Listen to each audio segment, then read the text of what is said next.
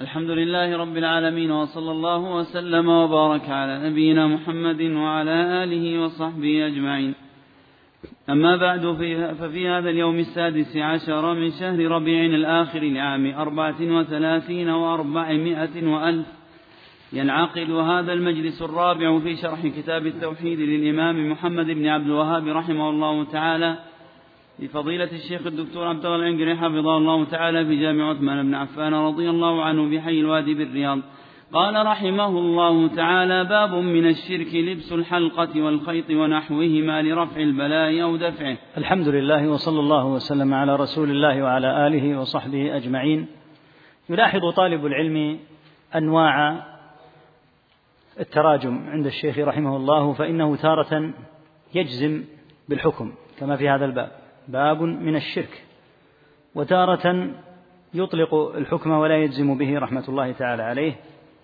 ثم يلاحظ أمرا آخر في التراجم أنه رحمه الله يعطي أمثلة ثم يحيل على نظائرها فيقول باب من الشرك لبس الحلقة والخيط. ثم قال ونحوهما يعني حتى لا يظن أن الشرك إنما هو في لبس الحلقة والخيط فقط وإنما الشرك في لبس الحلقة والخيط وما كان في معناهما أيا كان الملبوس ومهما تغيرت صور هذا الذي يلبس. ثم قال لرفع البلاء أو دفعه. ما الفرق بين الرفع أو الدفع؟ رفع البلاء يكون إذا وقع الشيء يلبسون هذه اللبوس لترفع الضر الذي قد حصل. أما دفعه فيراد فمرادهم به أن تكون صادة له قبل أن ينزل. فالفرق بين الرفع والدفع أن الرفع بعد وقوع الضرر والدفع قبل وقوع الضرر. نعم. وقول الله تعالى قل أفرأيتم ما تدعون من دون الله إن أرادني الله بضر هل هن كاشفات ضره أو أرادني برحمة هل هن موسكات رحمته؟ قل حسبي الله عليه يتوكل المتوكلون. أسئلة القرآن العظيم التي يكون فيها إنكار أو التي يكون فيها بيان لسوء حال هؤلاء أسئلة لا تدفع. فليست أسئلة رب العالمين سبحانه وتعالى كأسئلة المتناظرين فيما بينهم. فيجيء هذا السؤال العظيم قل أفرأيتم؟ الفاء والواو وثم. إذا وقعت بعد همزة بعد حرف الاستفهام. أفرأيتم؟ فهذه الفاء يقول بعض أهل العلم إنها يقدر شيء قبلها فتكون الفاء هنا عاطفة لكلمة رأيتم على ما قبلها. فمثلا قوله تعالى أفتطمعون أن يؤمنوا لكم؟ يكون هناك تقدير. يعني أتجهلون فتطمعون أن يؤمنوا لكم أو نحو ذلك.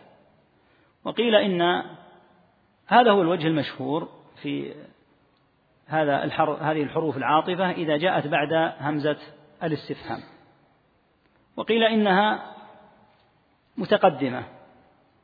فأرأيتم؟ فتقدم الاستفهام على حرف العطف. وجهان لأهل العلم رحمه الله في هذا الموضع ونظائره. أفرأيتم ما تدعون من دون الله؟ هذا سؤال عظيم لا يمكنه الجواب عليه إلا بما يدل على بطلان قولهم. أفرأيتم ما تدعون من دون الله؟ يعني من هذه الأوثان وغيرها. إن أرادني الله بضر هل هن كاشفات ضره؟ أو أرادني برحمة هل هن ممسكات رحمته؟ يعني إن سلط الله علي ضرا أراده بي. هذه الأصنام التي تعبدونها وتزعمون أنها تقربكم إلى الله هل تستطيع أن تكشف الضر؟ والعكس. إن أرادني الله عز وجل بالرحمة هل تستطيع هذه الأصنام؟ أن تمسك رحمة الله؟ جوابهم واحد وهو أنهم يقولون لا. فتكون محصلة الجواب إذا فلماذا تعبدونها؟ وهي لا تملك ضرا ولا نفعا. ولهذا قال حسبي الله حسبي الله هنا حصر. أشد حصرا من قوله الله حسبي. حسبي الله في معنى لا حسب لي إلا الله وأصل الحسب هو الكافي أي الله عز وجل وحده كافي الذي يكفيني سبحانه. عليه يتوكل المتوكلون أيضا. قوله تعالى في هذا الموضع وغيره عليه يتوكل المتوكلون. قدم الجار والمجرور هنا وتقديم الجار والمجرور وتأخير الفعل يدل على الحصر. فقوله تعالى عليه يتوكل المؤمنون. عليه يتوكل المتوكلون وعلى الله فليتوكل المؤمنون. هذه وأمثالها معناها لا أتوكل إلا على الله وحده يعني أنه يحصر التوكل فيه وحده. علاقة الآية واضحة. أن الضر والنفع أمران بيد الله عز وجل وأن اتخاذ أي وسيلة لجلب النفع أو دفع الضر مما لم يجعلها الله تعالى وسيلة أن هذا من الشرك. ثم إن الشرك يحتمل أن يكون أكبر في هذا الموضع ويحتمل أن يكون أصغر.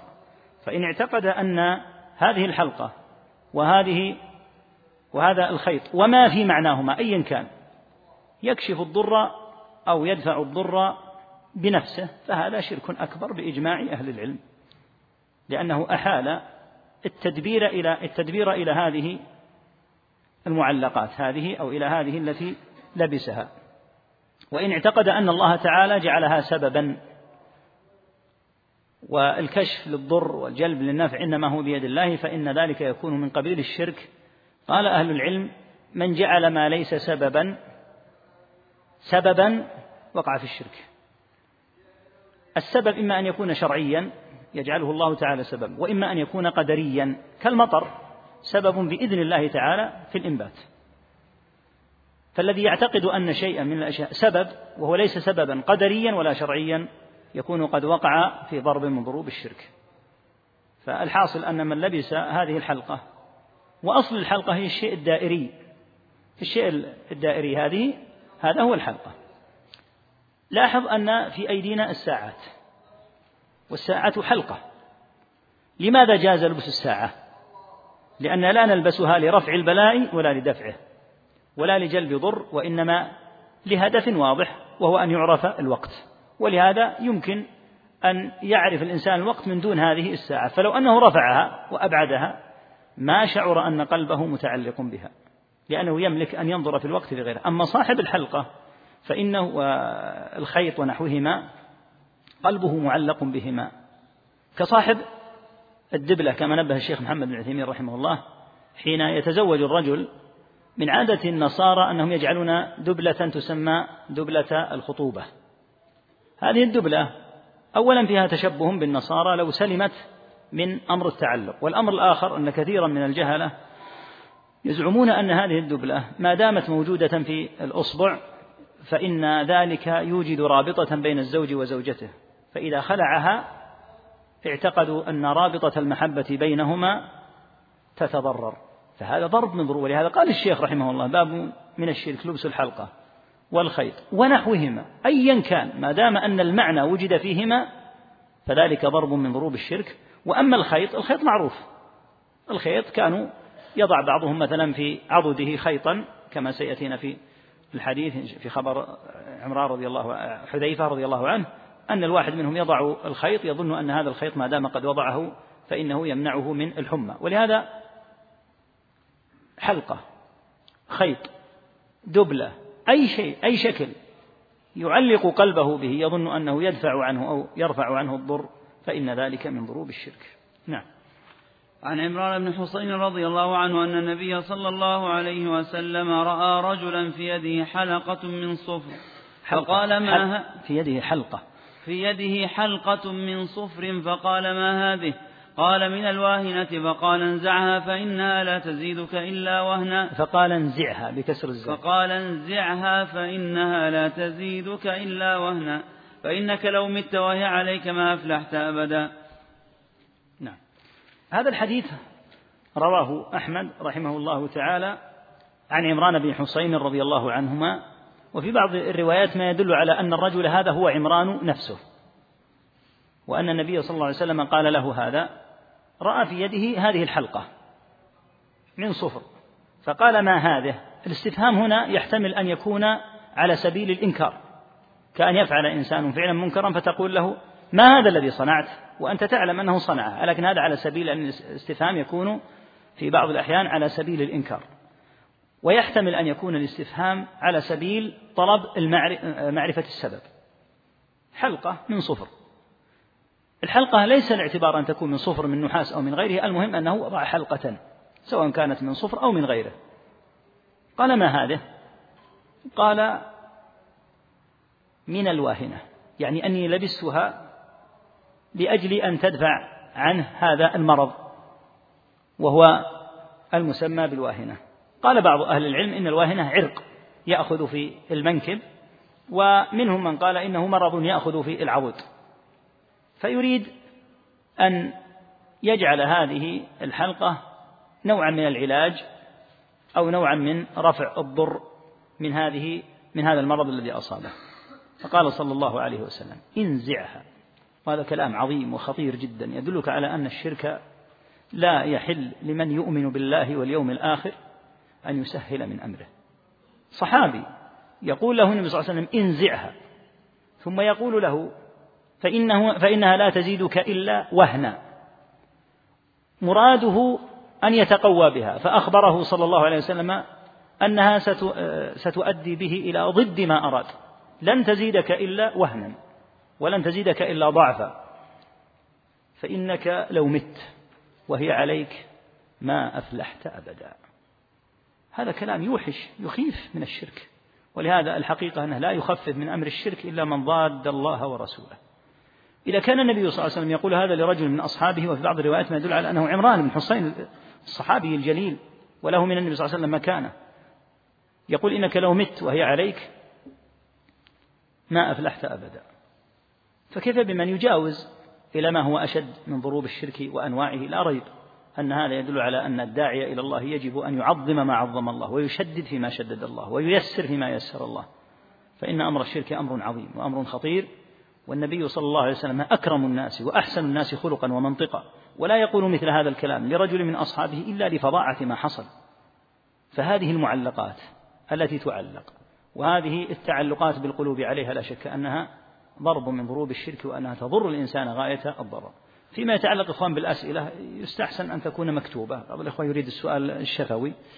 كونها مكتوبة أفضل أولا ليسمع السؤال ولأن معنا من يتابعنا أيضا على على الشبكة والأمر الآخر حتى لا يطول النقاش لأننا نحاول بإذن الله أن ننتهي هذا الفصل من الكتاب وهذا يقتضي شيئا من القراءة المتوالية إلى أن يصل آخر الوقت فنضع إن شاء الله مجالا للأسئلة إن يسر الله. فالحاصل أن في هذا الحديث دليلا على شدة أمر الشرك حتى لو كان أصغر.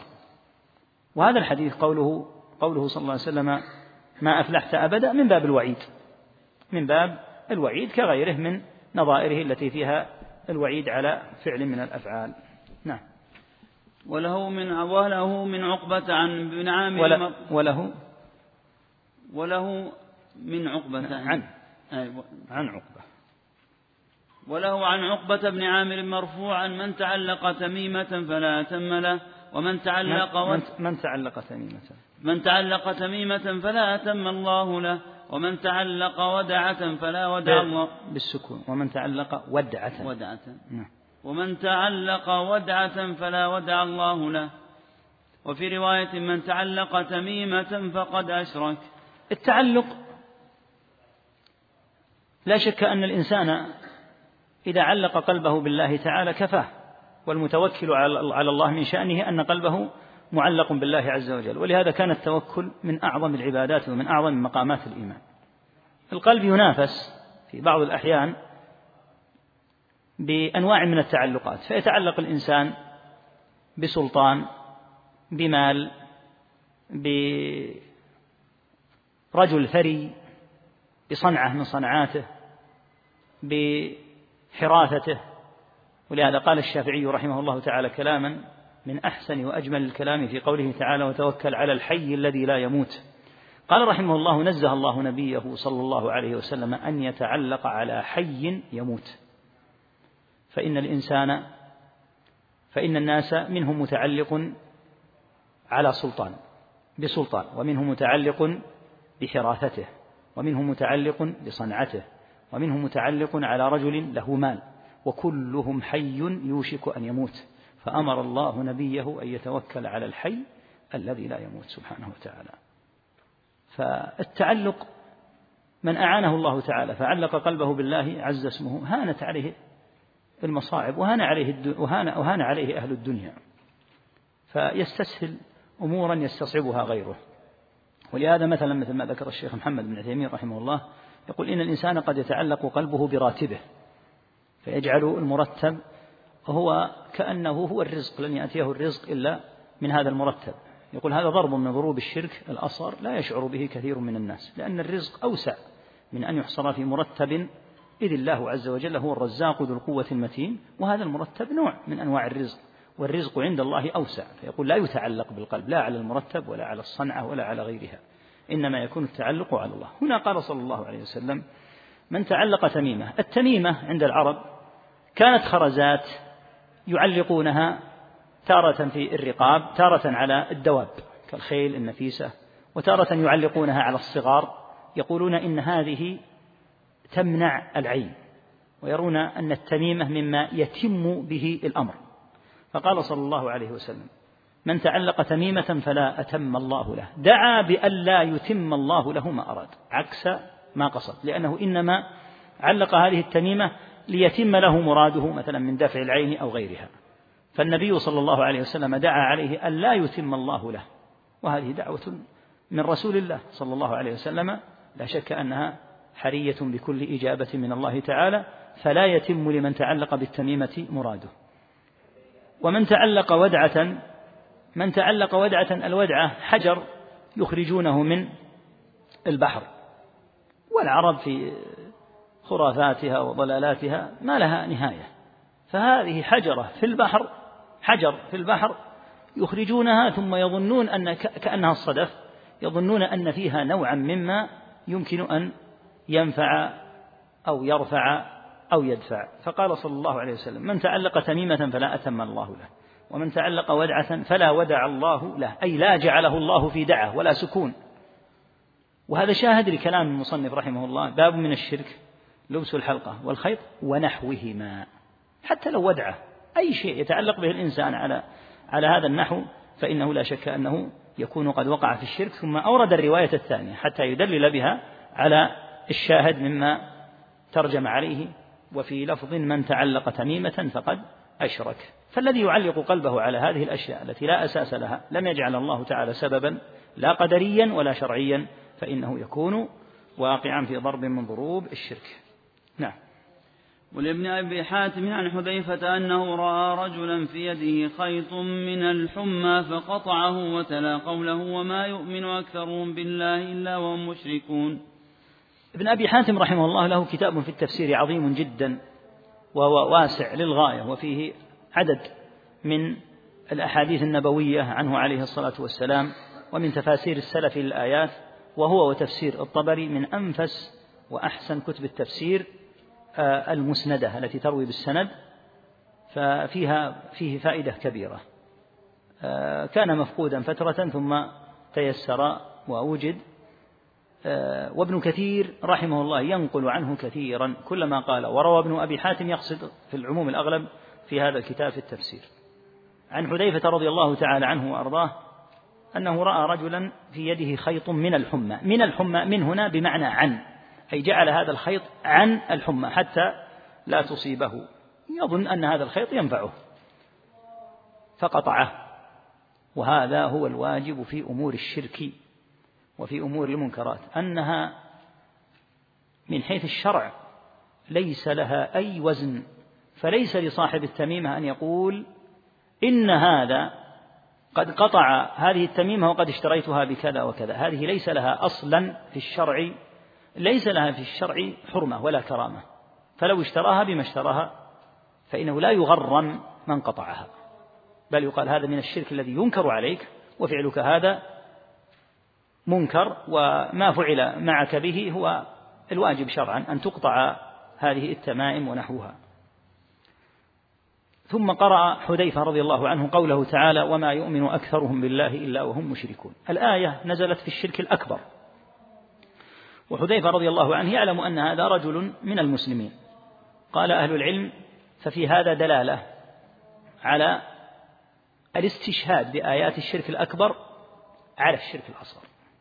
الآية لعموم اللفظ اللفظ عام وما يؤمن أكثرهم بالله إلا وهم مشركون. الأصل أنها في الكفار كما روى ابن جرير في هذه الآية عن ثمانية من علماء السلف رحمهم الله أو سبعة أنهم قالوا من إيمانهم قالوا ما معناه من إيمانهم؟ إذا سئلوا من خلق السماوات من خلق الأرض من خلق الجبال قالوا الله وهم مشركون أي معه تعالى في العبادة. لكنه استعمل هذه الآية في هذا الموطن فدل على أن السلف رضي الله عنهم يستدلون بآيات الشرك الأكبر حتى على المسائل التي هي من الشرك الأصغر. وفي الحديث دلالة على أن الشرك يجب أن يقاوم ويجب أن تكون مقاومته بإزالته لا تكون مقاومة الشرك بمجرد الكلام. اللهم إلا أن يخاف من عاقبة وخيمة يكون من آثارها شيء من القتال والضرر الذي قد يتعدى أمره فيرفع هذا الذي يعني أظهر هذا الشرك يرفع إلى الجهات التي تتولى بالقوة. إزالة الشرك كالهيئات والواجب أيضا على الشرطة أن تعد هذا جناية. ولهذا هذا الموجود الآن في سيارات هؤلاء الأعاجم وغيرهم من تعليق هذه الخرق السوداء. يظنون أن هذه الخرق السوداء إذا علقت في الشاحنات الكبار أنها تدفع عنها العين. المحصلة واحدة فينبغي أن يكون في أنظمة المرور أن ينزل صاحب المرور ويقطع لأنه صاحب سلطة ويقطع هذه الخرق الشركية وأن يكون هناك عقوبة لأن هذا إفشاء للشرك ويمشي بهذه الشاحنة آلاف الأميال يتنقل بها. هذا شرك ظاهر. خرقة بالية سوداء يعلقها يزعم أنها تدفع عن شاحنته العين. نفس الوضع كما قلنا الشيخ رحمه الله يقول باب من تعلق باب اللبس الحلقة والخيط ونحوهما كل هذا من الشرك. فكل أمر فيه مثل هذه التصرفات يجب أن يزال. فأصحاب السلطة كالهيئات والشرط يجب أن يكون عندهم التصرف المباشر وأن يعطوا الصلاحية للتعامل مع هذا الأمر الشركي فإن الشرك هو أعظم ما يفشى وأخطر ما يفشى. فهذا الأمر الواجب أن يزال وألا يكون في بلاد المسلمين. فقرأ رضي الله تعالى عنه الآية وقطعها. قطع قطع هذا الخيط وتلا هذه الآية بيانا لكون هذا من الشرك. نعم. باب ما جاء في الرقى والتمائم. لاحظ الفرق بين هذا الباب والباب السابق. الباب السابق جزم بالحكم. باب من الشرك. لبس الحلقة. هنا لما جاء إلى الرقى والتمائم قال باب ما جاء في الرقى والتمائم ولم يجزم بحكم.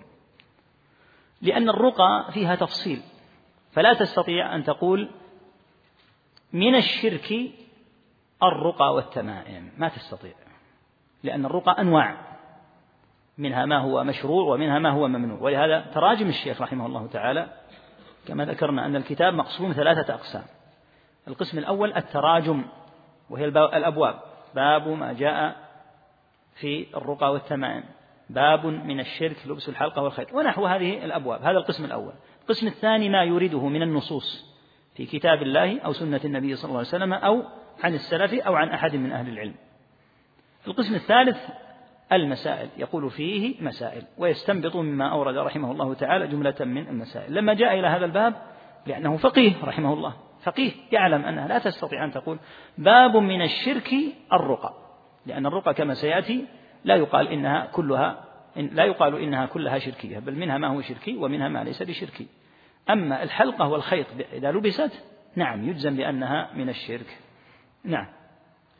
في الصحيح عن أبي بشير الأنصاري رضي الله عنه أنه كان مع رسول الله صلى الله عليه وسلم في بعض أسفاره فأرسل رسولا ألا يبقين في رقبة بعير قلادة من وتر أو قلادة إلا قطعت. هذا الحديث في الصحيحين. في الصحيحين معا في البخاري ومسلم رحمهم الله أن النبي صلى الله عليه وسلم كان في بعض أسفاره في سفر من الأسفار. فأرسل رسولا يعني يمر على الصحابة رضي الله عنهم بهذه الرسالة. لا يبقين في رقبة بعير قلادة من وتر أو قلادة إلا قطعت. هنا قول الراوي لا يبقين في رقبة بعير قلادة من وتر ثم قال أو قلادة. الراوي يريد أن يحتاط لنفسه يقول إني لا أتذكر بالضبط. هل أطلق صلى الله عليه وسلم فقال لا يبقين في رقبة بعير قلادة فتحرم القلائد كلها. أو أنه قال لا يبقين في رقبة بعير قلادة من وتر على سبيل الخصوص. فهذا مما يفعله الرواة. الرواة حتى يحتاط الواحد منهم لدينه يقول إني إن النبي صلى الله عليه وسلم قال كذا وكذا وكذا فإذا أتى إلى الموطن الذي لم يتأكد هل قال النبي صلى الله عليه وسلم في هذه اللفظة أو اللفظة الأخرى يقول أو كذا حتى يبرئ ذمته. في هذه الحالة ينظر في الروايات الأخرى لأن الراوي الآخر قد يكون ضبط اللفظ النبوي ولم يتردد فيه ففي هذه الحالة يعتمد ما ضبطه والراوي هذا أراد ألا يسند إلى النبي صلى الله عليه وسلم إلا أمرا هو متأكد منه. يقول قطعا النبي صلى الله عليه وسلم أرسل هذا الرسول لتقطع من رقبة ليقطع من رقبة البعير ما علق. إما أنه أي قلادة أو أن المعلق هو قلادة الوتر. لا ريب أن البعير يحتاج راكبه إلى حبل ليمسك بهذا البعير ويكون فيه ما يستمسك به الراكب حتى آه، يرخي للبعير العنان فيسرع. فإذا أقبل على أناس وخشي أن يطأهم أو خشي من موضع يمكن أن يتضرر هو أو بعيره أمسك بهذا البعير. فهذا الحبل معتاد لا إشكال فيه. لأنه واضح له هدف وبين. لكن ما كانوا يضعونه من هذه القلائد. الوتر القوس عندهم يظنون أو يزعمون أن الوتر إذا أرسلوا كثيرا من السهام وخلولق الوتر أنه صار فيه نوع من النفع فإذا خلولق وبلي أخذوه وقلدوا به الدواب. يعتقدون أيضا أنه في هذه الحالة يدفع عن الدابة العين.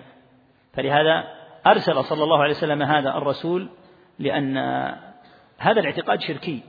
إذا اعتقد أن هذا الوتر يدفع العين فإن هذا الاعتقاد من الشرك. فلهذا أمر صلى الله عليه وسلم بقطع أي قلادة على هذا القصد. وسواء كانت قلادة من وتر على هذا النحو أو كانت قلادة أراد من قلدها بعيره سواء من وتر أو من غيره أراد بها أن يدفع عن بعيره أو عن نفسه العين فإنها يجب قطعها لأنها على هذا النحو تكون قلادة شركية. نعم. وعن ابن مسعود رضي الله عنه قال سمعت رسول الله صلى الله عليه وسلم يقول إن الرقى والتمائم والتولة شرك. رواه أحمد وأبو داود. هذا الحديث فيه بيان حكم ثلاثة أشياء والحكم عليها جميعا بأنها من الشرك. القسم الأول الرقى. والرقى واحد واحدها الرقية وهي القراءة على المريض بأنواع من العوذ طلبا لأن يشفيه الله عز وجل. الثاني التمائم. والتمائم واحدة التميمة يسميها الناس العزائم. هذه التمائم موجودة ومنتشرة عند العرب كثيرا وهي أشياء أيضا يعلقونها يزعمون أن هذه التمائم تدفع العين. الثالث التولة. التولة نوع من أنواع السحر. يزعمون أنه يحبب الزوج إلى زوجته والزوجة إلى زوجها. لاحظ الحديث. إذا تأملت الحديث تجد أنه انتظم هذه الثلاثة جميعا بحكم واحد وأنها جميعا شرك. إن الرقى واحدها الرقية والتمائم واحدها التميمة والتولة شرك. فدل على حرمة الرقى وحرمة التمائم وحرمة التولة. هذا الحديث في أول الأمر. لماذا حرمت الرقى؟ لأنهم كان في رقاهم في الجاهلية ألفاظ شركية وكان فيها استعانة بالشياطين. فأول ما جاء الشرع بمنع الرقى. تماما كما أن النبي صلى الله عليه وسلم لما كان الناس حديث عهد بإسلام وكان لهم علاقة بالقبور في الجاهلية يعظمونها نهى عن زيارة القبور. لأن لهم اعتقادات شركية. فلما استقر الإيمان في قلوبهم وذاقوا طعم التوحيد والإيمان قال صلى الله عليه وسلم كنت نهيتكم عن زيارة القبور ألا فزوروها. فرخص لهم. لماذا نهوا؟ لأنهم نهوا في بداية الإسلام عن أمور لصلتهم بالجاهلية. فلما استقر الاعتقاد الصحيح فيهم أذن لهم فيما فيه نفع لأن الزيارة للقبور نوعان زيارة شرعية وزيارة شركية في الجاهلية. ولما كثر ابتداء أهل البدع صار هناك زيارة بدعية. فلما كان الشرك حديثا فيهم نهوا عن زيارة القبور. ثم إنه صلى الله عليه وسلم أذن لهم في زيارة القبور. الرقى يقال فيها نفس ما يقال في زيارة القبور. النبي صلى الله عليه وسلم في أول الأمر كما في الحديث جعل الرقى والتمائم والتولة جميعا من الشرك ونهى عنها. ثم قال صلى الله عليه وسلم لا بأس بالرقى ما لم تكن شركا. فبين لك السبب الآن لماذا جمع النبي صلى الله عليه وسلم بين الرقية والتميمة والتولة معا وجعلها جميعا من الشرك. بعد ذلك قال لا بأس بالرقى تحديدا ما لم تكن شركا. وفي بعض الألفاظ أنه قال اعرضوا علي رقاكم. شخص عنده رقية. هل يرقي أو لا يرقي؟ يقول صلى الله عليه وسلم اعرضوا علي رقاكم. لا بأس بالرقى ما لم تكن شركا. وقال صلى الله عليه وسلم من استطاع أن ينفع أخاه فلينفعه. يعني بالرقية. إذا جعل الله عز وجل في قراءته ما ينفع أخاه ويقرأ عليه من القرآن لا يكلفه ذلك. يستطيع أن ينفعه فلينفعه. فبقي هذا الحديث عندك. الإطلاق فيه على هذه الثلاث كلها على هذه الثلاث كلها أنها من الشرك. ما الذي استثني؟ استثنيت الرقية فقط. فبقيت التميمة وبقيت التولة على الحكم وهو الشرك. ولهذا كما سيأتي إن شاء الله تعالى منع أهل العلم من التمائم قالوا لأن التمائم بقيت في حكم هذا الحديث شركا. فمن أخرجها من عموم الشرك فليأتي بحديث يدل كما دل حديث الرقية. لا بأس بالرقى ما لم تكن شركا. يقولون أوجدوا لنا حديثا اذكروا لنا حديثا عن النبي صلى الله عليه وسلم جهلناه. فيه أن النبي صلى الله عليه وسلم قال لا بأس بالتمائم ما لم تكن شركا. قالوا ما فيه. فبقي الحديث على الصحيح على إطلاقه بأن هذه شرك إلا الرقي إلا الرقى والرقى لا تكون تكون جائزة بشروط الشرط الأول أن يعتقد أن الرقية لا تنفع بذاتها وإنما النفع من عند الله سبحانه وتعالى. الشرط الثاني أن تكون بالقرآن أو السنة أو بالأدعية المباحة ولو كانت من غير القرآن أو السنة. هذا الصحيح. ينتبه لهذا طالب العلم. لأن بعض أهل العلم يطلق ويقول شرط الرقية الثاني أن تكون بالقرآن والسنة. بالقرآن والسنة نعم لكن لو أنه رقى بما لم يرد في القرآن والسنة مما معناه صحيح لا بأس. لأن النبي صلى الله عليه وسلم قال اعرضوا علي رقاكم. لا بأس بالرقى ما لم تكن شركا. فما فيه إشكال. لو كان فيها دعوات مباحة سليمة لا إشكال فيها فلا إشكال أن يدعو بهذا. الشرط الثالث أن لا يكون فيها أي عبارات مجهولة. فالرقى يكون فيها ألفاظ غير معروفة. معلوم أنها إذا صار إذا كان فيها ألفاظ شركية فهي ممنوعة لكن لو كان فيها ألفاظ غير معروفة لا تجوز. لأن من شأن السحرة أنهم يذكرون ألفاظا هي من أسماء الشياطين أو هي نوع من أنواع الاستغاثة بالشياطين ولا تكون صريحة. فهل يجوز هذا النوع من الرقى؟ لا ما يجوز. إذا الشرط الأول أن يعتقد أن الذي ينفعه هو الله عز وجل لا الرقية بذاتها تنفع. الثاني أن يعتقد أن تكون بألفاظ مباشرة من القرآن أو من السنة مثل قوله عز وجل قل هو للذين آمنوا هدى وشفاء والفاتحة ثبت أن أبا سعيد رضي الله عنه رقى بها فأقره عليه الصلاة والسلام. وقال ما يدريك أنها رقية؟ وثبت أن المعوذات قال فيها عليه الصلاة والسلام ما تعوذ المتعوذون بمثلها بمثلهما فهذه لا إشكال فيها من القرآن وكذلك من السنة. كقوله عليه الصلاة والسلام اللهم رب الناس أذهب الباس اشفي أنت الشافي؟ لا شافي إلا أنت. شفاء لا يغادر سقما. هذه لا إشكال أنها من السنة. يبقى لو أنه دعا بدعوة مباحة. الصحيح أنه أنه يجوز. الصحيح أنه يجوز أن يدعو بدعوات مباحة لا إشكال فيها. وهذا يحتاج إلى أن يكون الذي يدعو يعي معنى ما يدعو به لأن العامية قد يظن أن هذه الألفاظ سليمة وهي ليست بسليمة. الثالث أن يتجنب غاية التجنب الألفاظ غير الواضحة لأن الرقى غير واضحة فيها دلالة كبيرة على أنها من الشرك لأن هذا من طريقة السحرة أنهم يتلفظون بألفاظ على هذا الحد تكون غير واضحة. التولة تزعم النساء وهذا يقع من كثير من سفيهات النساء تأتيها امرأة فتقول زوجك لا يحبك لو أنك وضعت هذا تحت وسادته أو في أكله لأحبك أو تأتي إلى رجل عنده زوجتان أو أكثر فتقول هو يحب تلك أكثر منك. ضعي هذا. هذا في كثير من الأحيان يضر بالزوج وقد يميته يعني السحر. فهو ضرب من ضروب الشرك لا يجوز استعماله. يزعمون أنه يحبب الزوجة في زوجته والزوجة في زوجها وكلها من الشرك. وعلى هذا يقال التمائم من الشرك. والتولة من الشرك. والرقية نوعان. نوع من الشرك. كما لو كان فيها استغاثة بغير الله كطريقة الرقى في الجاهلية. يستغيثون بالشياطين أو بنحو ذلك فهذه من الشرك. النوع الثاني من الرقى الرقى الشرعية التي تكون بالقرآن والسنة ونحوهما من الأدعية الصحيحة. فيبقى الحديث على إطلاقه كما سيأتي تفصيل لها إن شاء الله عند الكلام على كلام المصنف رحمه الله. نعم. التمائم شيء يعلق على الأولاد من العين ولكن إذا كان المعلق من القرآن فرخص فيه بعض السلف وبعضهم لم يرخص فيه ويجعله من المنهي عنه منهم ابن مسعود من مسعود رضي الله عنه. والرقى هي التي تسمى العزائم وخص منه الدليل ما خلا من الشرك رخص فيه رسول الله صلى الله عليه وسلم من العين والحمى. والتولة شيء يصنعون ويزعمون أنه يحبب المرأة إلى زوجها والرجل إلى امرأته.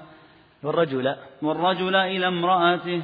وعن عبد الله نعم هذا هذا الحكم في التمائم متقدم معنى التمائم معنى الرقى ومعنى التولة.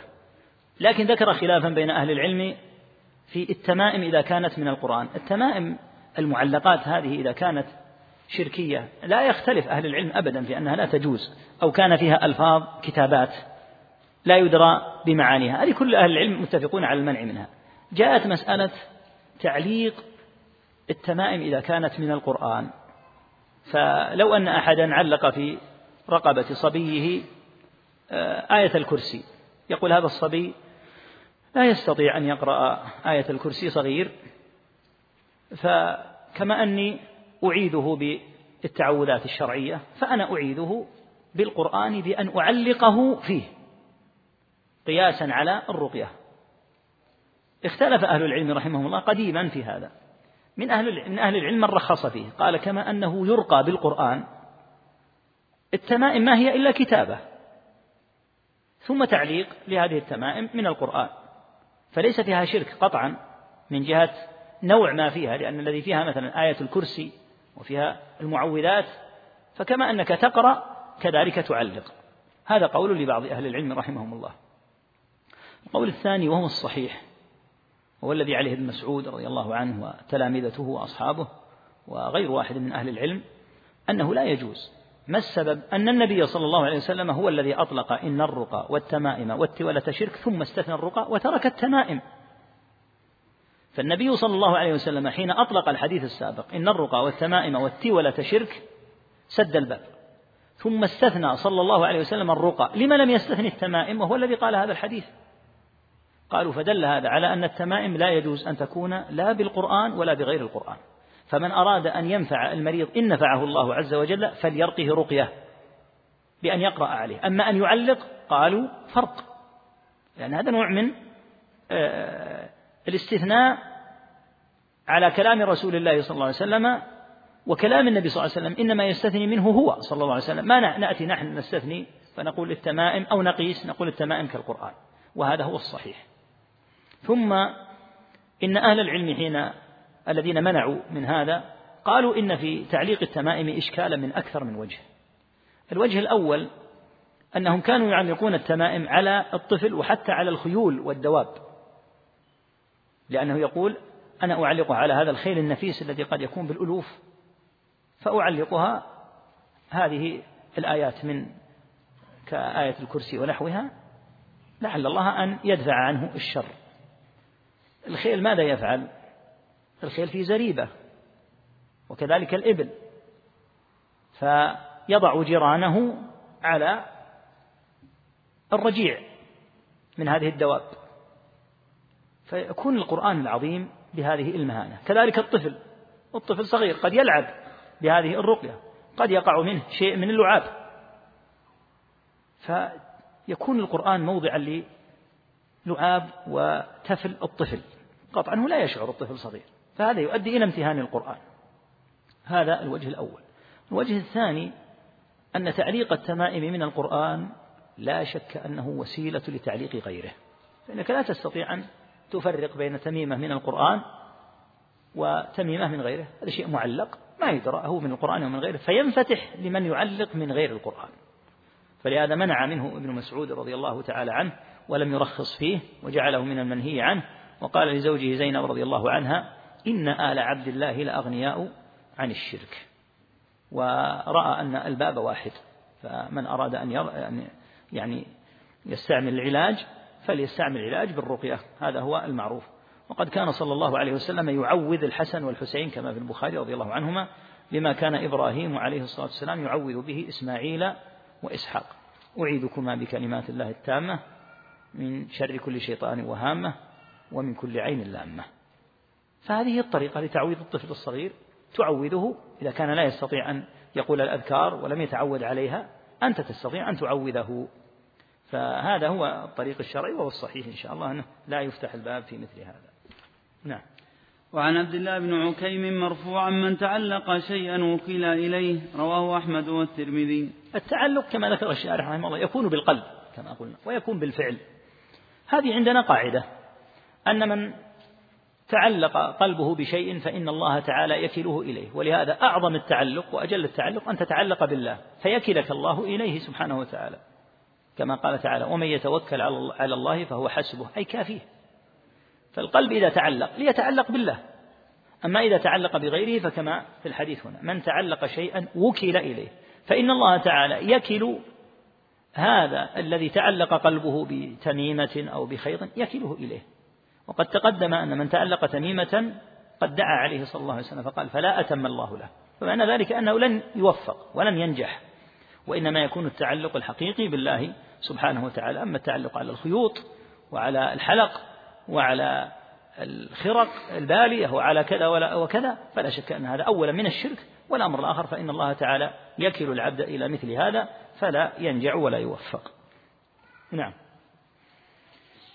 وروى أحمد عن رويفع قال قال لي رسول الله صلى الله عليه وسلم يا رويفع لعل الحياة ستطول بك فأخبر الناس أن من عقد لحيته أو تقلد وترى أو استنجى برجيع دابة أو عظم فإن محمدا بريء منه.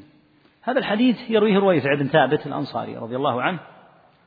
قال أهل العلم فيه علم من أعلام النبوة لأن رويفع رضي الله عنه تأخر تأخرت وفاته إلى ما بعد الخمسين الهجرية فبقي. فقال صلى الله عليه وسلم يا رويفع لعل الحياة ستطول بك. وهذا ما يعلمه النبي عليه الصلاة والسلام إلا من الوحي.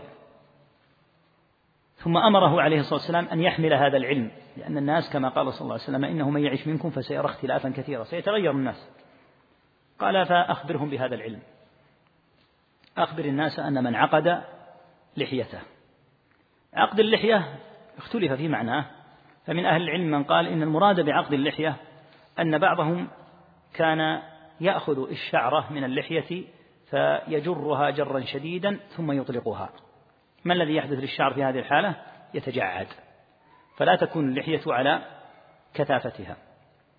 قال الخطابي وكان يفعل هذا أهل التأنث لأن العرب لم يكن فيهم من يحلق لحيته لكنهم كانوا يعالجونها حتى تقل وتخف. قال شيخنا الشيخ عبد الله بن جبريل رحمة الله تعالى عليه في كتاب التوحيد وهذا يدل على أن حلق اللحية أشد. إذا كان من عقد لحيته بأن يجر الشعرة ثم إذا كادت أن تنقطع أطلقها فتتجعد اللحية وتصغر. إذا كان فيه هذا الحديث فما بالك بمن يحلق اللحية بالكلية؟ هذا من باب أولى. يا رويفع وقال بعض أهل العلم إن المراد بعقد اللحية أنهم كانوا في حال الحرب يعقدون لحاهم على سبيل اتخاذ زي الأعاجم.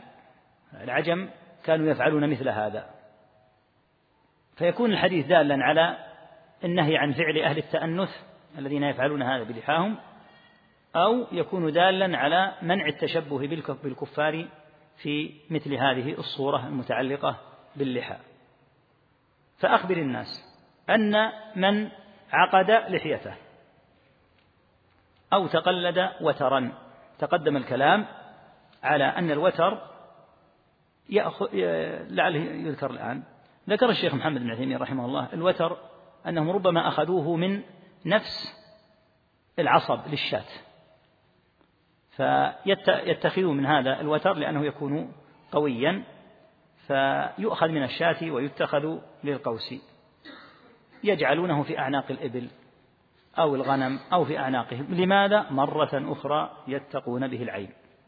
يعني تعلقوا بمثل هذه الأوتار. أن من عقد لحيته أو تقلد وترا أو استنجى برجيع دابة أو عظم فإن محمدا بريء منه. الاستنجاء هو قطع النجو من الخارج من السبيلين البول أو الغائط. لا يجوز أن يستنجي المسلم بأي شيء فإنما يستنجي بشيء طاهر كالمناديل النظيفة أو الأحجار التي لم تستعمل ويستنجي ثلاثا أيضا أو خمسا يقطع على وتر يعني إذا كان في البرية وليس عنده ماء أو لو قضى انتهى الماء عنده في البيت فإنه يستنجي بغير الماء وهو المسمى بالاستجمار لأنه يستعمل فيها الجمار للحجارة. فلا يستجمر بأي شيء.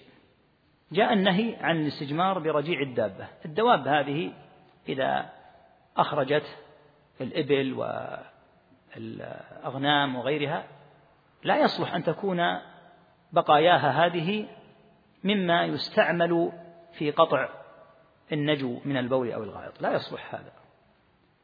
وكذلك العظم. العظم أيضا لا يجوز أن يستعمل قد يكون الإنسان في البرية فيجد عظما لبعير أو شاه. لا يجوز أن يستعمله في الاستنجاء لأنه ثبت عنه عليه الصلاة والسلام أن وهذه من أمور الغيب أن العظم زاد إخوانكم من الجن. العظم إذا كانت الدابة قد سمي عليها عند الذبح فإنه كما في الحديث يكون أوفر ما يكون لحما فلا يجوز أن يلوث. وقد أخبرنا بهذا من طريق غيبي فيجب أن لا يستعمل. وهكذا رجيع الدابة بإذنه تعالى هو أيضا زاد دواب الجن. فلهذا قال صلى الله عليه وسلم أنا من استنجى برجيع دابة أو عظم فإن محمدا بريء منه.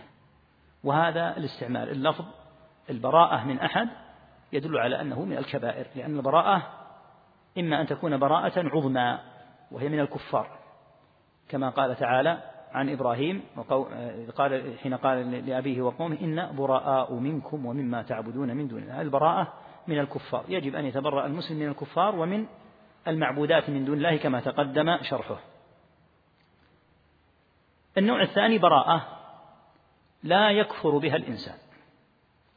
يكون قد فعل منكرا من المنكرات لكن استعمال أن النبي صلى الله عليه وسلم بريء من هذا الشخص يدل على أنه من الكبائر لأنه صلى الله عليه وسلم لا يبرأ إلا ممن فعل فعلا عظيما شديدا فدل على أن هذه المذكورات من الكبائر جميعا عقد اللحية وكذلك الحال استخدام رجيع الدابة وعظمها وكذلك الحال في من تقلد وترا فإن هذه جميعا من الكبائر. نعم. وعن سعيد بن جبير قال من قطع تميمة من إنسان كان كعدل رقبة رواه وكيع. يقول كأنك أعتقته. إنسان في يد في رقبته هذا المعلق. تميمة يظن أنها ستنفع وستدفع فإذا قطعتها من رقبته فإنك لك من الأجر كعدل رقبة. قال أهل العلم هذا لا يقال بالرأي فيكون في حكم المرفوع. لكن لما كان سعيد رحمه الله من التابعين يكون من قبيل الحديث المرسل. وهذا لا شك أنه لا يقال بالرأي ما يقول الإنسان لو أن أحدا آه، دل أعمى الطريق لكان له كذا وكذا في الجنة. لكان ما يجوز هذا. لا بد أن يكون مسندا. لكن لما كان سعيد رحمه الله من آه، التابعين يكون كأنه قال قال رسول الله صلى الله عليه وسلم فيكون حكم قوله هنا حكم الحديث المرسل. نعم. وله عن إبراهيم قال كانوا يكرهون التمائم كلها من القرآن يكره وغير كانوا يكرهون. كان كانوا يكرهون التمائم كلها من القرآن وغير القرآن. إبراهيم هو النخعي رحمه الله وأخذ عن تلاميذ ابن مسعود فيقول كانوا كثيرا ما يقول كانوا يضربوننا على العهد. كانوا يقصد هؤلاء الذين من تلاميذ ابن مسعود رضي الله عنه وهم رحمهم الله من خيار التلامذة كأبي وائل والأسود ويزيد وأمثالهم رحمهم الله. هؤلاء كانوا من مسروق والأسود وأبي وائل ونحن كانوا من تلاميذ ابن مسعود. فكان يعبر عنهم كثيرا وكانوا يسمون سرج القرية رحمهم الله. من خيار أهل العلم رباهم ابن مسعود رحمه الله تربية عظيمة وعودهم الأدب والعلم فكانوا من أعظم الناس علما وأدبا. فصار ينقل عنهم كانوا. يقولون كذا. يقصد تلامذة ابن مسعود كانوا يكرهون التمائم كلها من القرآن ومن غيره. يعني لا يرون التفريق بين التميمة التي من القرآن. يقال تجوز والتميمة التي من غير القرآن. نعم. باب من تبرك بشجر أو حجر ونحوهما. نعم. هذا أيضا ذكره المؤلف رحمه الله تعالى معلقا هكذا ولم يجزم بأنه من الشرك. ومعلوم أن هذا لا يجوز التبرك. قال الشراح أو بعضهم إن الماتن رحمه الله تعالى يطلق بعض الأحيان ليبحث طالب العلم في جواب ما علقه في الباب هنا. يعني ينظر في الأحاديث والآيات الواردة والنصوص ليعرف الحكم. كأنه ينبه طالب العلم إلى أن عليك أن تعرف حكم التبرك هذا من خلال النظر في النصوص الآتية. التبرك هو طلب البركة. أن تطلب البركة من شيء. وطلب البركة على نوعين يكون مشروعا ويكون ممنوعا. فالمشروع هو ما دل الشرع على أن فيه بركة. كالقرآن فالقرآن كتاب مبارك لكن ليس معنى أن القرآن فيه بركة أنه يتخذ في السيارات ويعلق أو يمس باليد لا ليس هذا هو المقصود قطعا. ولكن بركته العظيمة في قراءته حتى إن الحرف منه بعشر حسنات وهو أكثر من ثلاثمائة أكثر من ثلاثمائة ألف حرف. ومعنى ذلك أن الختمة الواحدة فيها هذه الملايين من الحسنات. فبركة عظيمة للإنسان أن يوفقه الله تعالى لأن يقرأ القرآن ويحصل على هذه الحسنات. أيضا من بركته العظيمة أن الله تعالى جعل به صلاح دين الأفراد والجماعات. فما صلح حال الناس حال العرب إلا لما جعل الله لهم هذه الرحمة العظيمة. هو الذي بعث في الأميين رسولا منهم يتلو عليهم آياته ويزكيهم ويعلمهم الكتاب والحكمة وإن كانوا من قبل لفي ضلال مبين. كانوا على أضل ما يكون وأردأ ما يكون ثم نقلهم الله فصاروا أئمة الدين والدنيا بفضل الله عز وجل وما أنزل من هذا الكتاب العظيم وما أرسل من هذا الرسول الكريم صلى الله عليه وسلم. فالبركة تطلب بالطريقة الشرعية. الشرع إذا أثبت بركة لشيء دل الناس كيف يأخذون البركة. ولا يجعل المسألة خرص وإنما يؤخذ الشيء الثابت بركته تؤخذ بالطريق الشرعي ولا يبتدع ويخترع طرائق لاستجلاب البركة حتى مما ثبت أنه مشروع. فمثلا لا يؤخذ المصحف ويمسح. لماذا تفعل هذا؟ قال حتى تنتقل بركته إليه البركة ما جعل هذا طريق من طرق البركة. وحتى الركن اليماني مسه أو الحجر الأسود لا شك أنه ليس بقصد البركة ولكنه أمر شرع داخل النسك. إنما هو داخل النسك ولهذا تفعل هذا عند الطواف. نعم جزء من الطواف. أما أن يظن أنه لأجل أن تنتقل بركة الكعبة هذا خطأ وليس بصحيح. باب من, من تبرك بشجرة أو حجر ثم انظر ماذا قال. مرة أخرى ونحوهما. لو تبرك بشجرة أو بحجر أو بغيرهما مما يظن أنه فيه بركة حتى لو كان من حديد أو من صفر أو من خيوط يظن أن فيها بركة نفس الوضع. فالحكم واحد. لا شك أن هذا من الشرك. إذا طلب البركة بالطريقة التي لا يأذن فيها الشرع أنه يكون قد وقع في ضرب من ضروب الشرك مرة أخرى فإن اعتقد أن البركة من هذه أصالة هي التي تعطيه البركة دون الله فشركه أكبر. وإن اعتقد أن الله جعل في هذه الصخرة بركة والبركة من الله هو الذي يجعل البركة فشركه أكبر. يعني بحسب قصده. إن ظن أن البركة منها هي تنبع وأنها تبارك الشخص. بنفسها فهذا شرك أكبر. وإن اعتقد أن الله جعل فيها هذه البركة يقال ما لم يجعل الله عز وجل فيه بركة لا تعتقد فيه بركة. وليس لك أن تعتقد في شيء بركة معينة إلا إذا دل الدليل على هذه البركة. لما قلنا من أن الشرع إذا بين بركة شيء معين فإنه يعطيك الطريقة الذي تستجلب به بإذن الله هذه البركة. نعم. وقول الله تعالى أفرأيتم اللات والعزى ومناة الثالثة الأخرى؟ نعم. عن أبي واقد ما, ما أكمل الآية نعم المراد هذا. قال رحمه الله وقول الله تعالى أو وقول الله تعالى إذا قال وقول الله تعالى يكون عطفا. لقول على الباب. باب من تبرك. من هنا؟ في محل جر.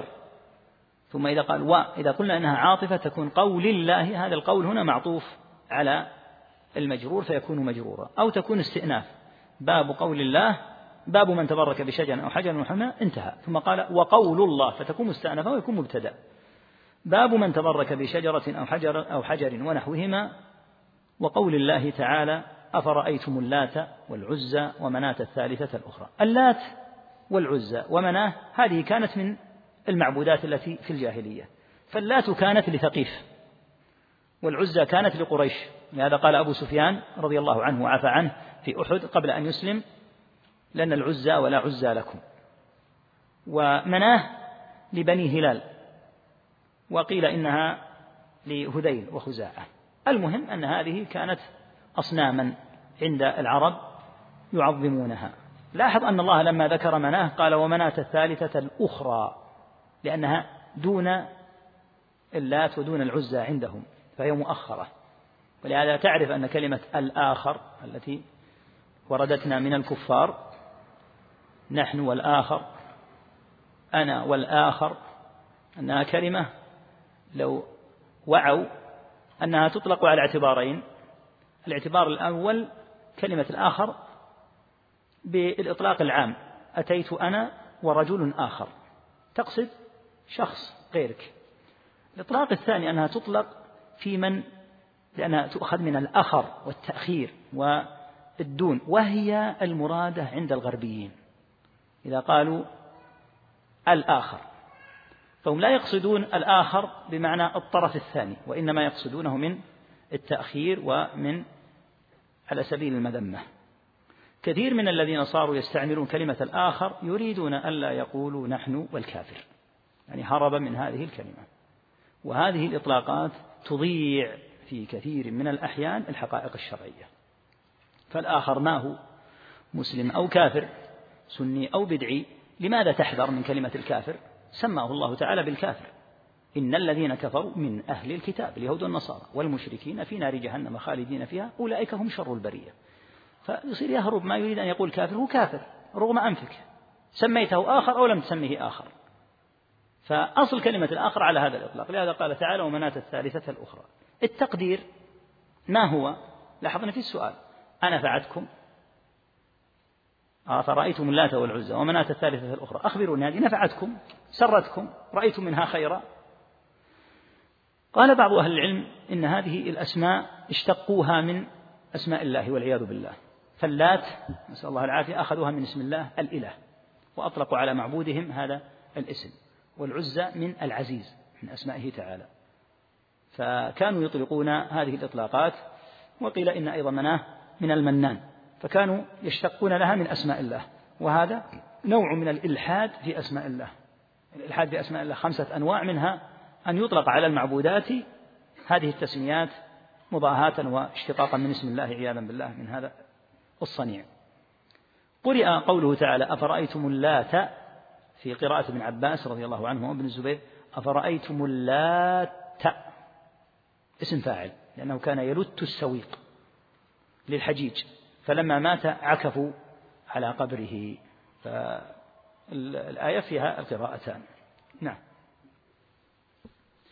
وعن أبي واقد الليثي قال خرجنا مع رسول الله صلى الله عليه وسلم إلى حنين ونحن حدثاء عهد بكفر وللمشركين سدرة يعكفون عندها وينوطون بها أسلحتهم.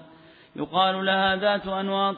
فمررنا بسدرة فقلنا يا رسول الله اجعل لنا ذات, أنواط ذات أنواط كما لهم ذات أنواط فقال رسول الله صلى الله عليه وسلم الله أكبر إنها السنن. قلتم والذي نفسي بيده كما قالت بنو إسرائيل لموسى اجعل لنا إلها كما لهم آلهة. قال إنكم قوم تجهلون لتركبن سنن من كان قبلكم. رواه الترمذي وصححه. أبو واقد رضي الله عنه من الصحابة الذين تأخر إسلامهم ولم يكن من المهاجرين السابقين ولهذا نبهك في الحديث. قال خرجنا مع رسول الله صلى الله عليه وسلم إلى حنين إلى الموقعة المعروفة التي كانت بعد فتح مكة. ونحن حدثاء عهد بكفر. أراد أن يبين السبب في أنه وقع منهم الشيء الذي ذكر في الحديث. نحن حدثاء عهد حدثاء عهد بكفر يعني أن إسلامنا قريب. كنا كفارا قبل الفتح بفترة يسيرة.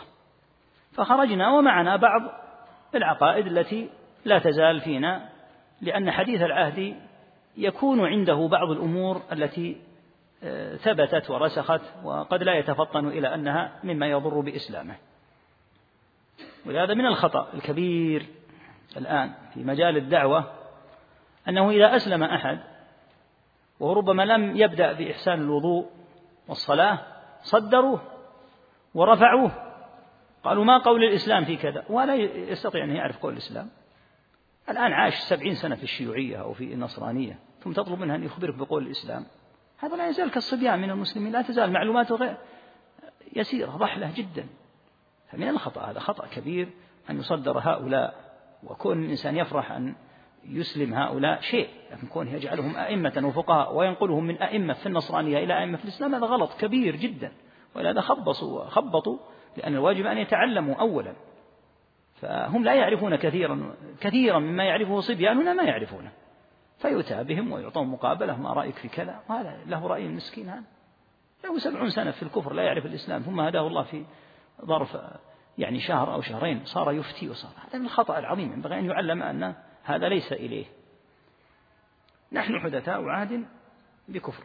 لما مروا كان للكفار سدرة.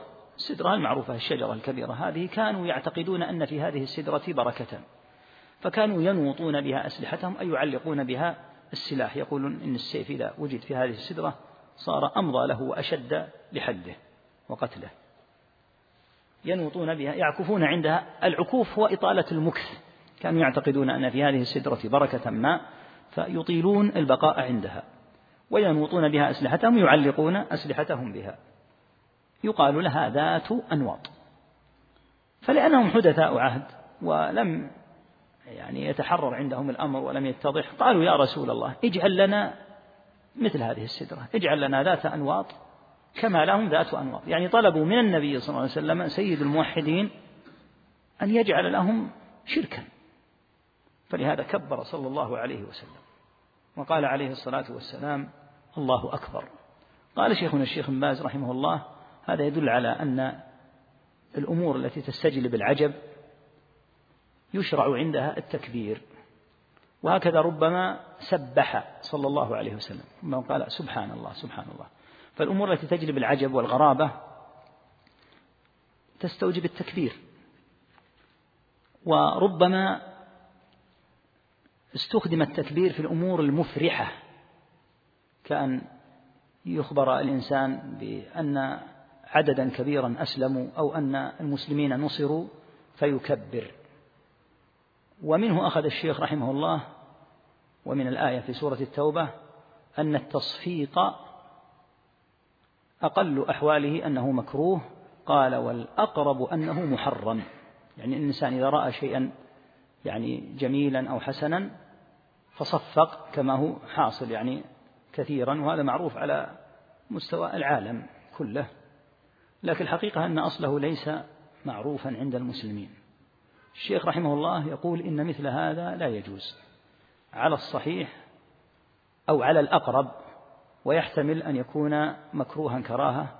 قال لقوله تعالى وما كان صلاتهم عند البيت إلا مكاء وتصدية الكفار كانوا عند البيت يصفرون ويصفقون. قال فهذا شعار من شعاراتهم فلا يتأسى بهم المسلمون في مثل هذا. رحمه الله وغفر الله له. قال الله أكبر إنها السنن. السنن أي الطرق. يعني سلكتم طريقا قد سلكه من قبلكم. ثم قال عليه الصلاة والسلام قلتم والذي نفسي بيده. كما قال قوم موسى لموسى اجعل لنا آه، اجعل لنا إلها كما لهم آلهة. فجعل هذا الطلب بطلب شيء يتبركون به وهو السدرة.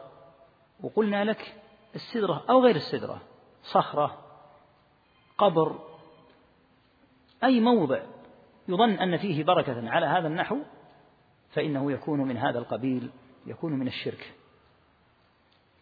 اجعل لنا قلتم كما قال قوم موسى لموسى اجعل لنا إلها كما لهم آلهة فدل على أن هذا الطلب شركي. قال إنكم قوم تجهلون.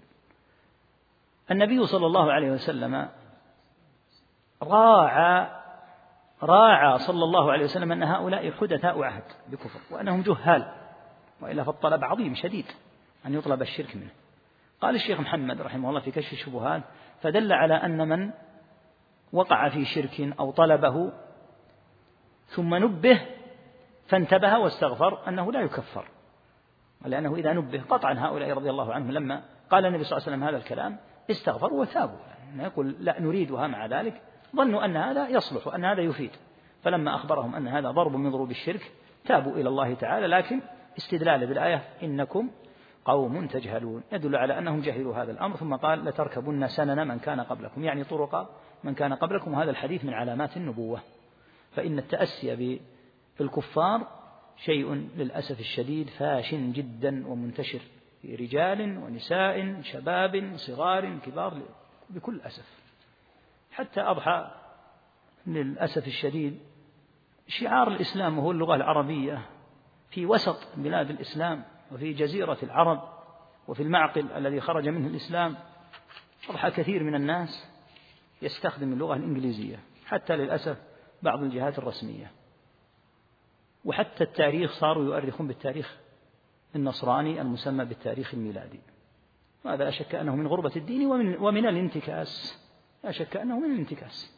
أن يفعل هذا بأن يرغب عن لغة العرب إلى لغة الأعاجم على هذا النحو. وأي أعاجم؟ أشد الأعاجم على الإسلام وهي اللغة الإنجليزية. فإن أهلها هم أشد ما أضر المسلمين في هذه الأزمنة. أشد من الصينيين ومن الهنود ومن غيرهم. الله أعلم والله أكبر. كم يكاد من قبل هؤلاء للإسلام وأهله؟ فكيف تؤخذ لغتهم. لا بأس ولا إشكال في أن تتعلم لغتهم يستفاد منها في مواضعها. أما أن تكون لغة ويتداولها الأشخاص فيما بينهم بعض الناس يلفت النظر إلى نفسه يتكلم بكلمة ويجعل فيها عدة كلمات بهذه اللغة كأن اللغة الإنجليزية جبل لا يصعد. اللغة الإنجليزية كغيرها من اللغات. يمكن أن تتعلم في ظرف فترة يسيرة وليست مجلبة لرفعة وغيرها. لا شك أن هذا من الخذلان ومن الانتكاس وأن هذا من اتباع وطرائق من كان قبلنا كما تتبعوا في ألبستهم وأزيائهم وشعورهم ونحو ذلك. حتى صار عند كثير من الناس من المعلومات عنهم ما لا يعرفه عن حتى الصحابة رضي الله عنهم. انشغلوا بمغنيهم وممثليهم والساسة منهم وأقبلوا عليهم يعرفون الألوان التي يحبونها ويدخلون في مواقف تفقهوا فيهم فقها نسأل الله العافية.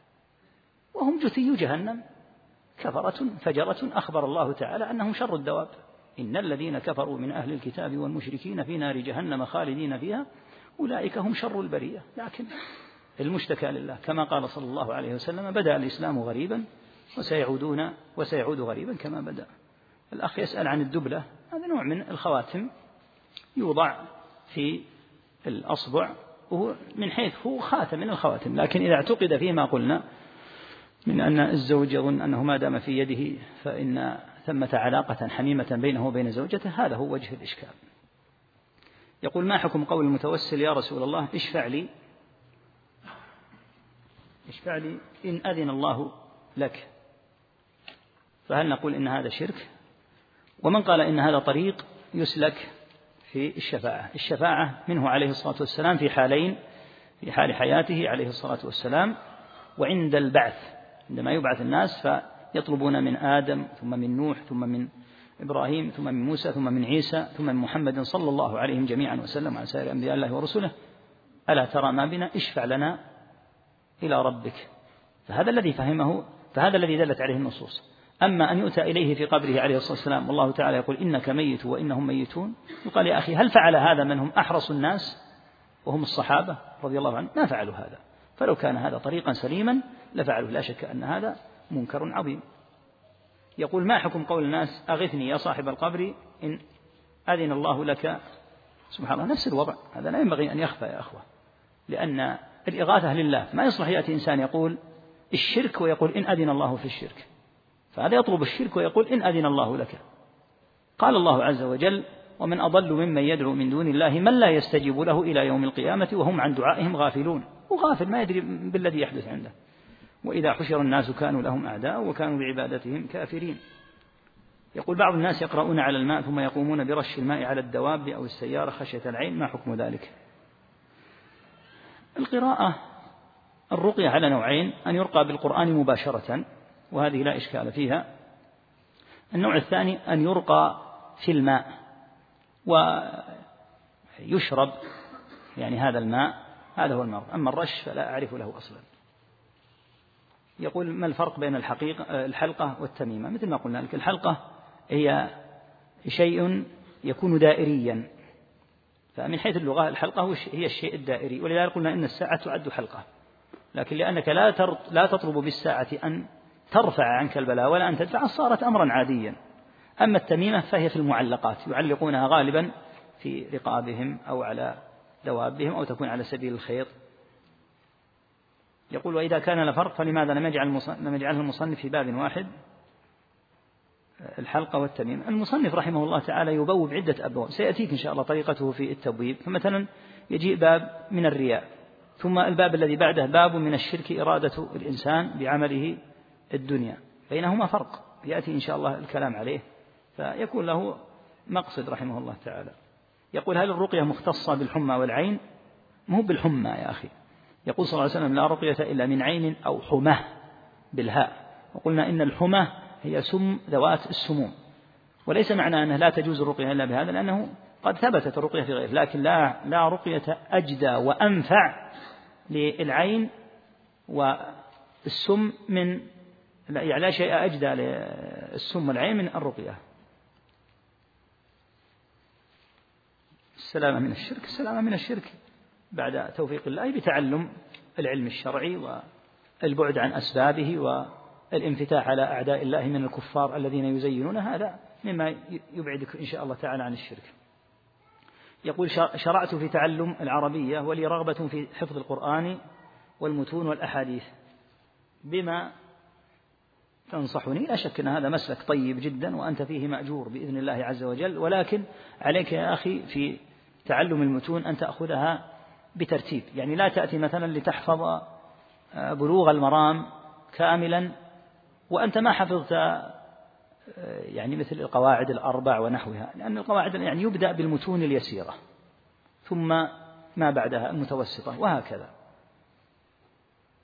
يقول ترك فعل الطاعة خشية العين. هل هو من الشرك؟ أعوذ بالله. كيف تترك الطاعة خشية العين؟ لا يحل هذا من الشيطان. لا يجوز أن تترك الطاعة لأجل الخوف من العين ولا لأجل الخوف من الرياء أيضا. لو قال الإنسان أنا أريد أن أتصدق لكن أخشى أني أرائي. ما يجوز مثل هذا. اعزم وتوكل على الله ودع عنك مثل هذا الخاطر الرديء. الطاعة ينبغي أن تقدم عليها وتترك عنك مثل هذه الهواجس. يقول في أغلب الأحيان عندما أرغب في بناء منزل أو شراء سيارة أو صلح بين الناس. أقرأ بعض السور من القرآن الكريم مثل البقرة أو ياسين لجلب البركة. طبعا بعد صلاة الاستخارة ما أعلم لهذا أصلا. ليس لهذا أصلا. ليس للإنسان كما قلنا القرآن مبارك كله. أما أن يخصص في مقام معين مقام الإصلاح أو يخصص منه سورا هذا ما يصلح القرآن لا يتخذ على هذا الأسلوب. يقول ورد عن ابن عمر رضي الله عنهما أنه كان يكتب بعض التعويذات الواردة عن الرسول صلى الله عليه وسلم عن ابن عمرو هو ليس عن ابن عمر.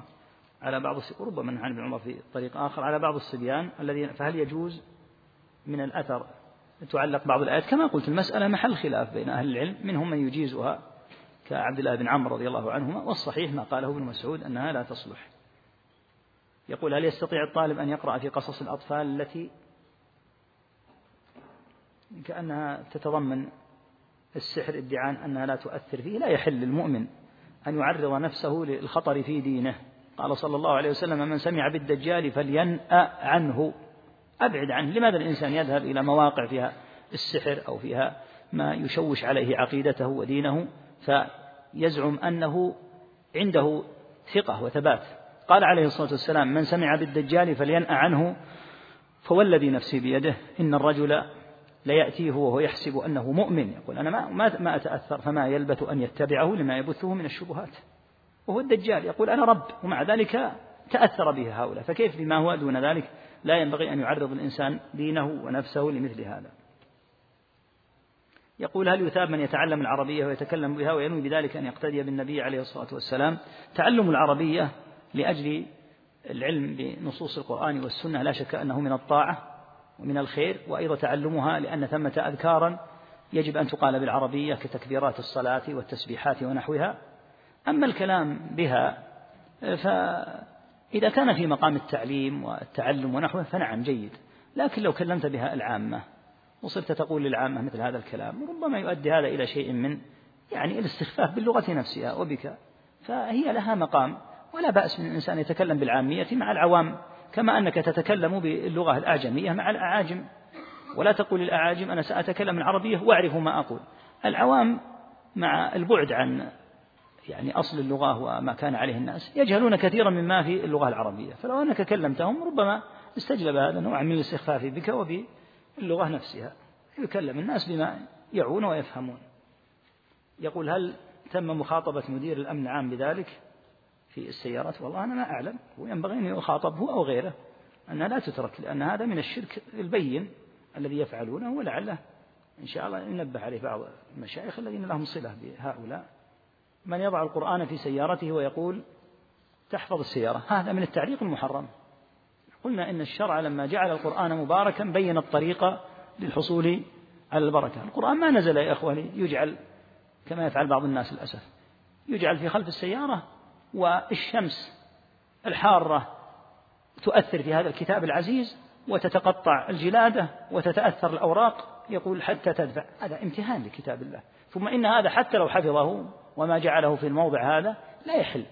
القرآن ما جعل ليكون بمثابة الأشياء التي ترفع هكذا ويقال ستجد البركة. إذا أردت البركة بالقرآن فتعلمه واقرأه واعمل به. تجد البركة في الدنيا والآخرة. يقول وجدنا ملابس توزع وزارة الصحة لدفع الوباء. هل هذه يعتبر من الشرك؟ وكل الناس يعتقدون أنها تدفع الوباء. شوف يا أخي الأسئلة بهذه الطريقة لا ينبغي أن يكتبها طالب العلم. هناك يا أخي بعض الألبسة تلبس للوقاية بإذن الله عز وجل من نفوذ بعض الرذاذ أو بعض الأشياء التي تضر. فهذه لا تلبس يعتقد فيها بركة ما يقول هذا أحد. لكنها تلبس كما أنك لو أتى غبار وضعت الغطاء على وجهك. فليس المقصود بها البركة وإنما المقصود أن الإنسان إذا مررت بأحد مثلا في العناية المركزة ولبست هذا اللباس الذي في العناية المركزة مناعته ضعيفة جدا فقد يعني يحدث من اقترابك أو آه، الرذاذ الذي يكون منك لو أنك قرأت عليه مثلا. أو لو حصل كحة أو عطاس قد يتأثر لأن مناعته ضعيفة جدا. فليس مقصدهم أن هذه الملابس فيها بركة. ولهذا إذا انتهيت منها أخذتها ورميتها في سلة المهملات. ما يعتقد أحد أن فيها بركة. فلا تكتب الأسئلة, الأسئلة بهذا الوضع. يقول ما حكم قراءة الفاتحة والمعوذات على زوايا المنزل الجديد, الجديد. ما, ما لهذا أصل. ما لهذا أصل وإنما إذا سكنت في هذا المنزل فاتكل على الله واستعن به تعالى ولن يضرك كلمة فيه جن أو غيره. استعن بالله حتى لو فرضنا أنه وجد فيه شيء من الإزعاج أو غيره اقرأ عليه لا على أساس في الزوايا أو غيره. لكن كما قال صلى الله عليه وسلم البيت الذي تقرأ فيه سورة البقرة لا يقربه شيطان. نعم بهذا الاعتبار. لكن في الزاوية هذه وفي الزاوية هذه ما الدليل على مثل هذه التصرفات؟ وإنما يقرأ القرآن قراءة عامة لا يقال في زاوية ولا في غيرها. يقول من عاهد الله على ألا يرجع إلى محرم كالذي يسمع الأغاني أو ينظر للمحرم وتاب وعاهد الله ألا يرجع. فبعد مدة رجع للمحرم. ما حكم ذلك؟ حكمه لا يجوز قطعا.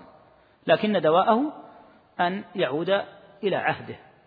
فإنه إذا عاهد الله عز وجل قد غلظ على نفسه الأمر مع أنه يجب عليه هذا أصلا أن يكف عن النظر إلى صور النساء.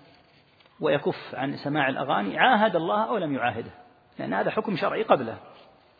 لكن يقول أنا عاهدت الله ثم رجعت نكثت.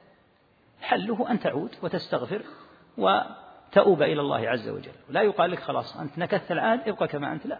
بل عد إلى الله واستغفر من ذنبك. نسمع كثيرا من الصوفية كإحدى الفرق الضالة. فهل تلقون الضوء عليها لمعرفتها؟ يطول الكلام بلا شك لأن التصوف الأصل أن الطرق الصوفية اليوم قائمة على جملة من الخرافات والشركيات وفيها شيء كثير من البدع والضلالات وبعضها يصل إلى حد الشرك الأكبر. فالكلام فيها يطول بلا شك. يقول سماع القرآن أثناء العمل. طيب إن شاء الله تعالى ويحاول قدر المستطاع أن يستفيد ويركز ذهنه لأن كون القرآن يتلى يكون مناسبا إلا إذا صار فيه هذر وكلام و ففي الحالة هذه لا يناسب. لكن لو أن الإنسان بعض الأحيان يكتب شيئا أو يعمل في البيت مثلا أو يصلح شيئا أو يبني فبقاءه في هذه الفترة مدة ساعات كالعمال وغيرهم جيد أن يسمعوا القرآن لأنه لا يؤثر.